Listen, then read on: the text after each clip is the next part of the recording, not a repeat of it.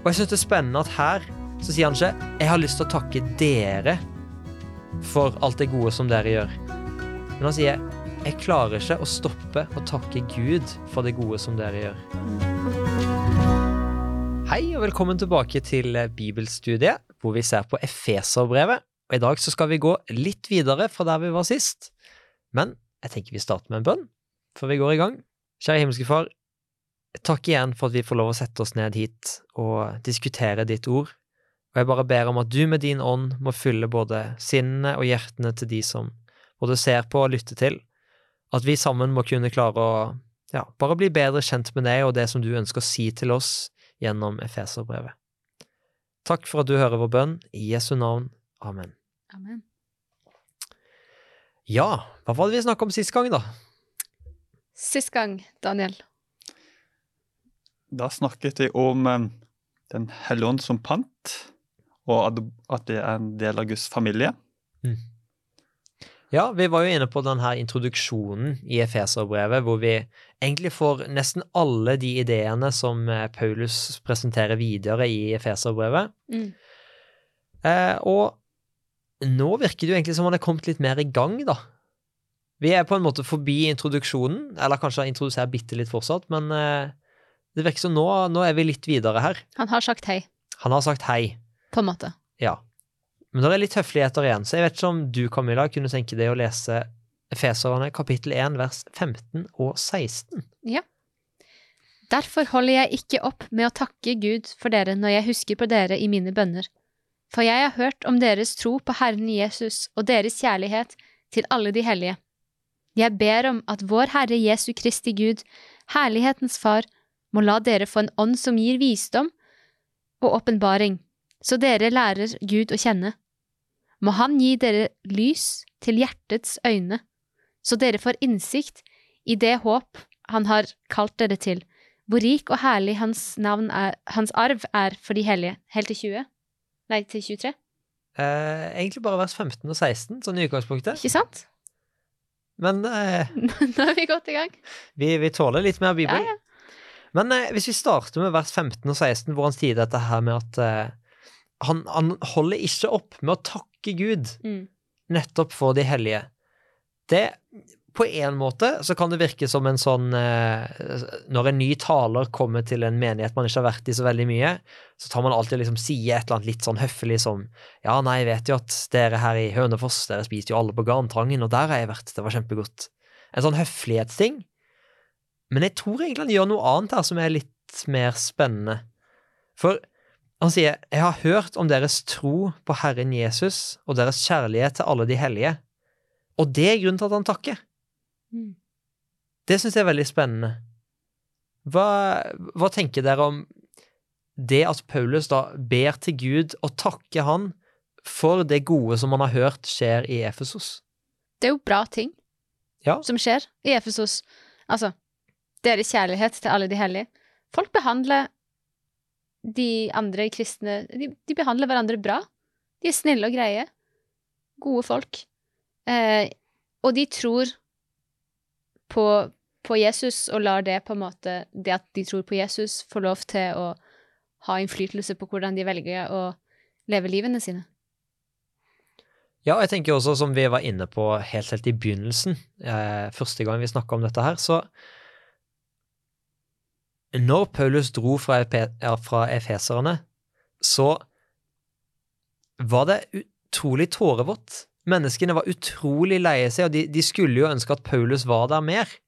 Og så sier han, jeg kommer aldri mer til å møte dere igjen. Men, men så kommer dette brevet en del år senere, og selvfølgelig det må ha vært stor stas, og man må ha vært veldig spent på hva er det som står i dette brevet. Og mest sannsynlig, når brevet ble levert, så har eh, Tykikos, som leverte det, han har nok lest det høyt for de menneskene som var der. Og jeg syns det er veldig fint at eh, Som vi kommer inn på her, da. Paulus skriver dette, dette brevet fordi det er ting han ønsker å ta opp. Han ønsker å adressere noen problemer, men så starter han allikevel med å si takk. Det er mye å takke for. Mm. Og ja, noen ganger så lurer jeg på hvor flinke er vi å, å finne ting å takke for? Hvor ofte går vi rett på problemene når vi ber til Gud? Hvor ofte går vi rett på hva vi trenger? Og særlig også når vi ber til Gud om andre mennesker. Ja, ja, ja, Eller for andre mennesker. Eller om eh, mennesker og situasjoner som kanskje vi opplever som litt eh, mer utfordrende. Ja, den er også Den syns jeg er spesielt god, faktisk. Nettopp fordi Ok, for oss selv kanskje vi, vi takker for fint vær og takk for maten og disse tingene, men når vi snakker om andre, så er det jo som oftest fordi Gud, de trenger noe, eller at jeg trenger at du hjelper meg med de. Mm. For vi går ikke helt overens. Og nettopp det å kunne ja, bare si Jeg bare fortsetter. Mm. Jeg fortsetter å takke for det, for jeg er så glad for det som skjer hos dere.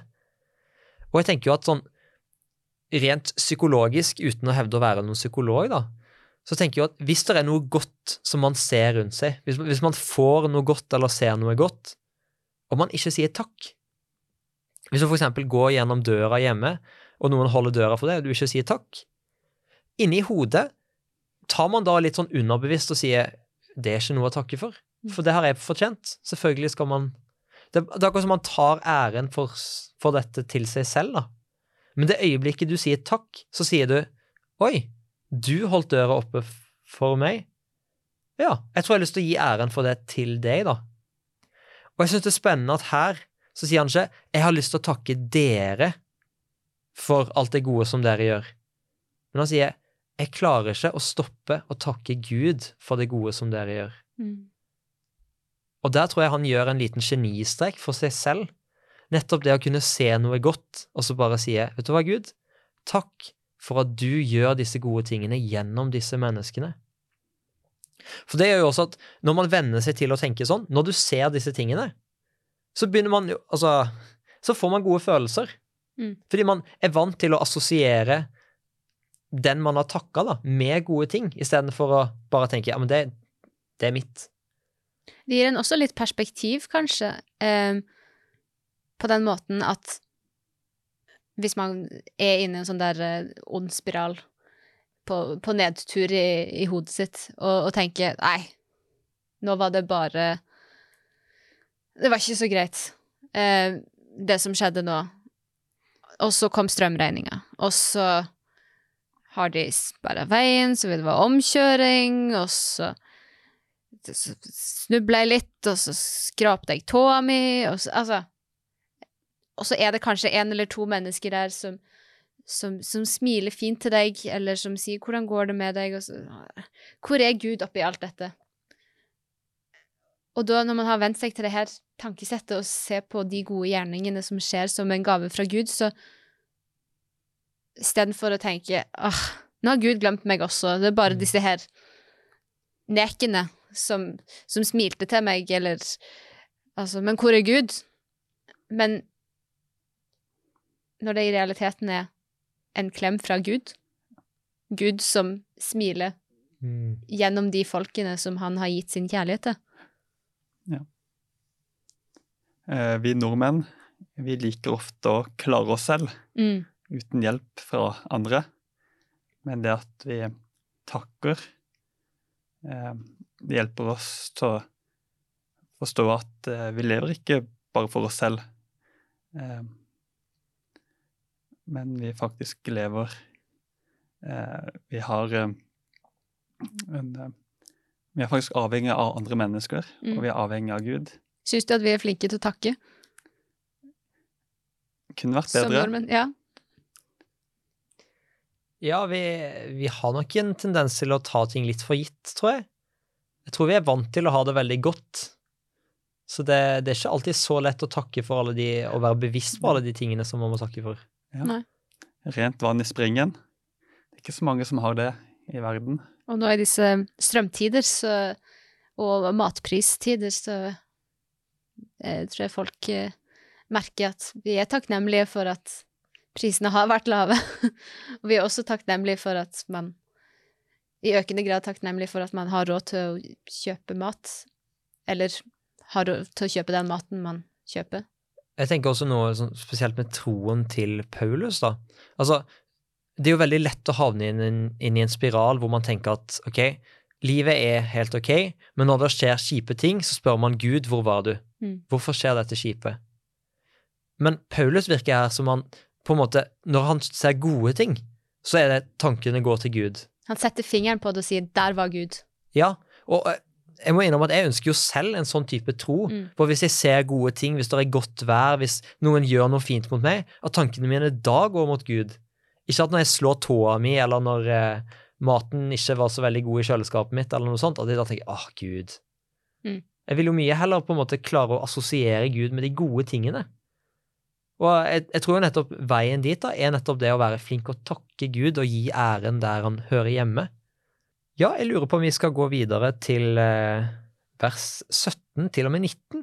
Du har jo lest det en gang før, Camilla, men har du lyst til å ta det på nytt? Jeg kan ta det på nytt. 17 til 19. 17 til og med 19. Da stopper jeg etter 19. Jeg ber om at vår Herre Jesu Kristi Gud, herlighetens Far, må la dere få en ånd som gir visdom og åpenbaring, så dere lærer Gud å kjenne. Må Han gi dere lys til hjertets øyne, så dere får innsikt i det håp Han har kalt dere til, hvor rik og herlig Hans arv er for de hellige, og hvor overveldende Hans kraft er hos oss som tror. Der har du eh, dynamo igjen. Ja, der er dynamis. Dynamis. Der er kraften. Som, eh, som eh, Daniel nevnte for noen episoder siden. Ja, jeg, jeg tror jo et stikkord for det vi har lest nå, er kanskje dette her med innsikt. Det å forstå. Jeg vet ikke hva dere, hva dere tenker om det. Det var et veldig upresist spørsmål, men eh, Daniel, du tar opp tråden. Eh, Jeg snakket jo om Den hellige ånd i siste episode, og det er også Den hellige ånd som hjelper oss å få innsikt. Mm. Jeg tenker jo det bygger jo egentlig nettopp på det som vi har snakka om, da. Med at Paulus, han har en tro som gjør at når det skjer gode ting, også hos andre, så tenker han på Gud og sier takk. Mm. Og så sier han nå, jeg ber om at dere, ved hjelp av Den hellige ånd, da, som Daniel sier, må bli i stand til å forstå mer om Gud. Og kanskje det er også litt av veien da, til den type tro som Paulus har. Mm. Nettopp det å klare å få denne innsikten. Og innsikt i det håp. Han vil at uh, de i Efesos skal get it, altså skjønne det. Virkelig forstå Mm. at det er et håp. Eh, sånn at de kan skjønne hva, hva de er omgitt av eh, når det gjelder Guds kjærlighet, men også de eh, konkrete tingene som skjer rundt dem fordi de går med Gud. Og, og der er du inne på noe veldig viktig, da. Det at ok, dere skal få innsikt i det håpet. Mm. Eh, fordi vi vi kan jo gjerne tenke at ok, vil han bare at de skal forstå at Gud er en god greie, men det har ingen praktisk betydning. Hvis det er et håp, så må jo det også bety at det har en praktisk betydning her og nå for disse menneskene som hører det. Det, det, det er et håp som påvirker måten de lever livet sitt på der og da. Og jeg vet ikke enten om dere har noen tanker om hva det håpet må ha betydd eller vært for menneskene i Efesos, eller kanskje hvis vi skulle gjort det enda mer for vår kontekst. Hva er dette håpet som de skal få innsikt om?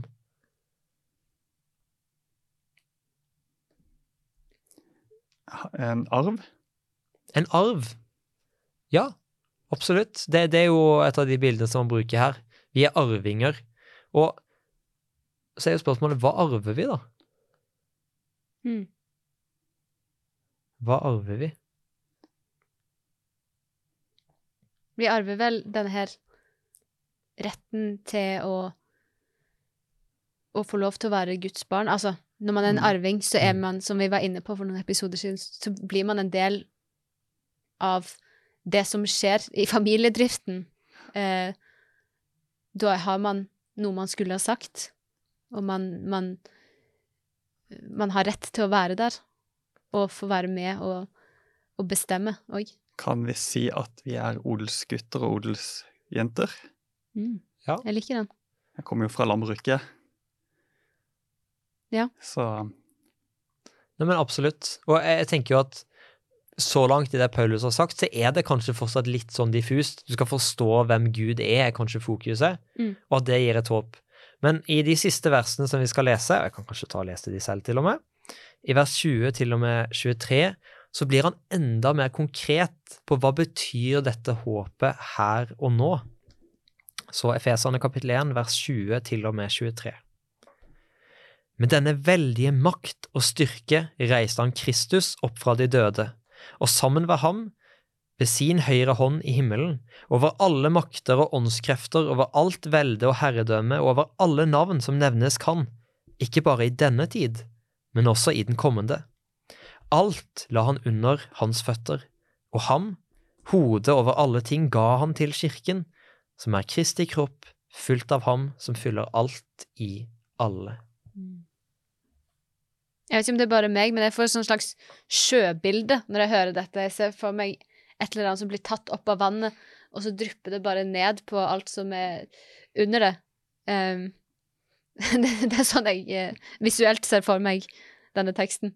Jeg skjønner veldig godt hva du mener, fordi det bildet som han bruker, da, hvor han tidligere sier ok, Gud er kjærlighet, jeg vil dere skal forstå det, så snakker han om kraft, fylde, han som fyller alt i alle. Mm. Det er noe veldig sånn gjennomtrengende, Mm. som nødvendigvis må da bety at dette her er ikke noe du bare kan tenke på litt. Grann. Dette her påvirker måten du lever livet ditt på, Mm. også her og nå. Det sies at det hjertet er fylt av, det taler munnen. Mm. Så det vil også påvirke hva vi snakker om. Absolutt. Og det, det, der er vi kanskje inne på noe som er viktig, da, i form av hva er det vi fyller oss selv med, kanskje?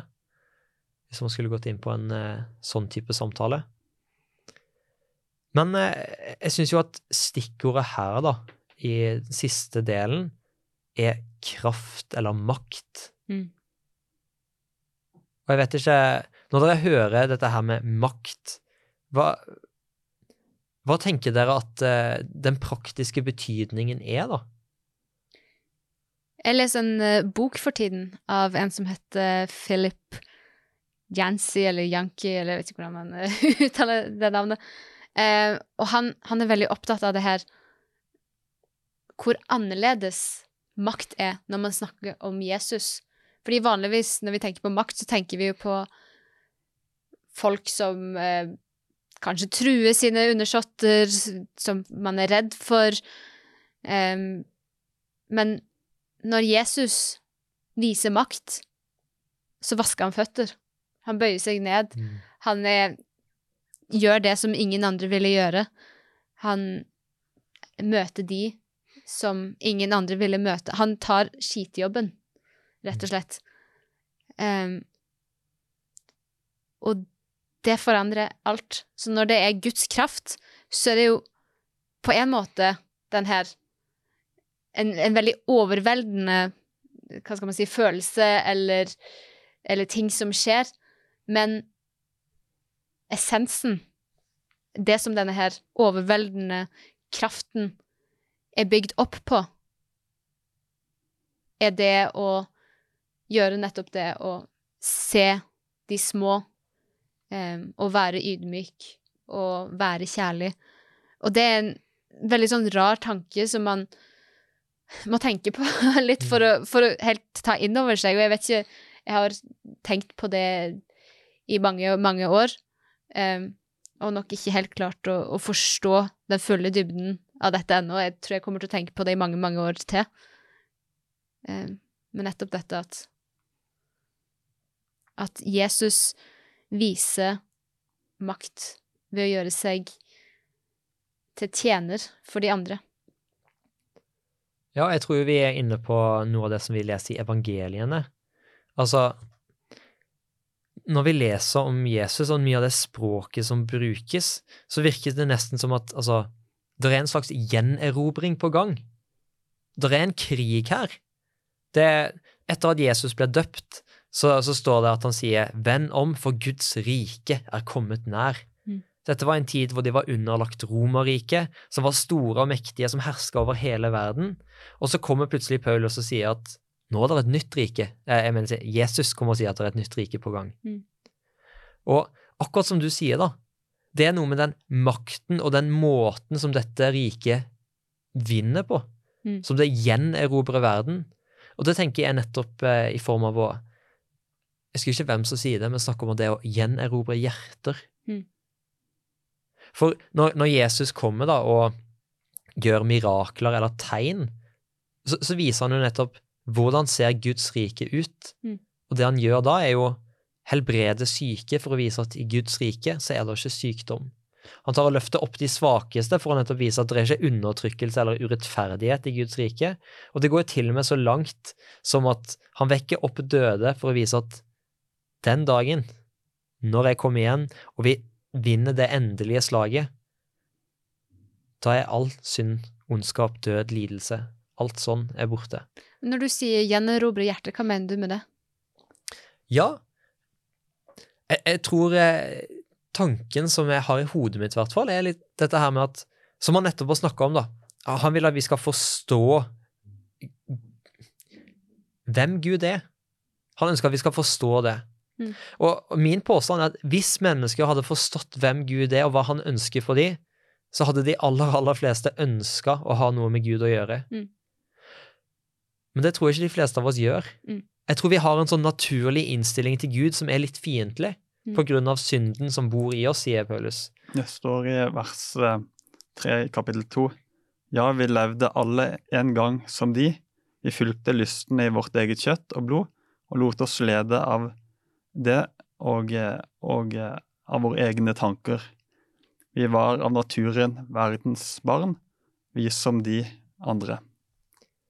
Ja, og, det er på en måte utgangspunktet. Og, de neste versene der, vi kan også lese de også, for det er jo kanskje svaret på hva jeg mener med å gjenerobre hjerter. For da Mm. sier han, men Gud er rik på barmhjertighet. Fordi han elsket oss med så stor en kjærlighet, gjorde han oss levende med Kristus. Vi som var døde på grunn av våre misgjerninger, av nåde er dere frelst. Men jeg tror det er et sånt fokus her på at Gud gjennom Jesus gjør seg selv kjent.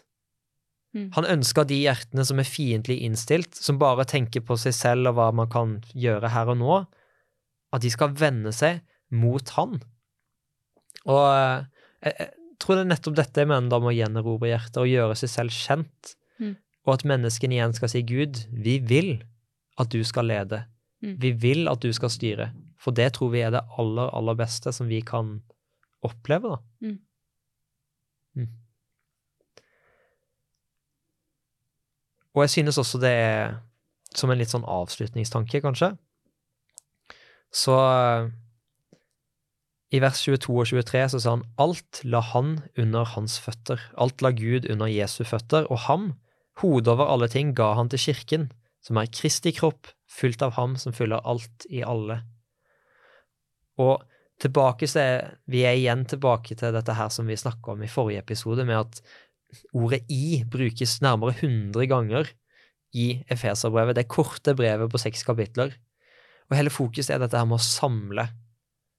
Og jeg tenker at enhet, det med fellesskap med Gud og med hverandre, er kanskje et stikkord da, for alt det vi skal snakke om videre når vi ser på dette her eh, Efeserbrevet. Og eh, ja, jeg tenker at dette her med gjenerobring, nettopp gjennom å skape enhet, heller enn splid, det, det er måten Gud går frem, da. Mm. Mm. Nei, men jeg tenker at det er kanskje et fint sted å runde av for denne gang. Så vi kan jo avslutte med en bønn. Kjære gode far, vi ønsker å takke deg for at eh, For alt det gode som er rundt oss. Vi ønsker å assosiere de gode tingene med deg. Vi ønsker å skjønne mer om hvor god du er, og se de tingene, sånn at vi kan gi deg ære med god grunn. Og far, jeg bare ber om at du må vise hver og en av oss mer om hvem du er, og hvilke planer og tanker som du har for oss. Så takker vi deg for at du ikke ga opp på denne verden, men at du kom ned for å gjenerobre våre hjerter. At du kom ned for å vise hvor kjærlig og god du er, og hvor høyt du elsker oss. Så hjelp oss å forstå det, og ta det innover oss. Takk for at du aldri gir slipp. Det takker jeg og ber for i ditt hellige navn. Amen.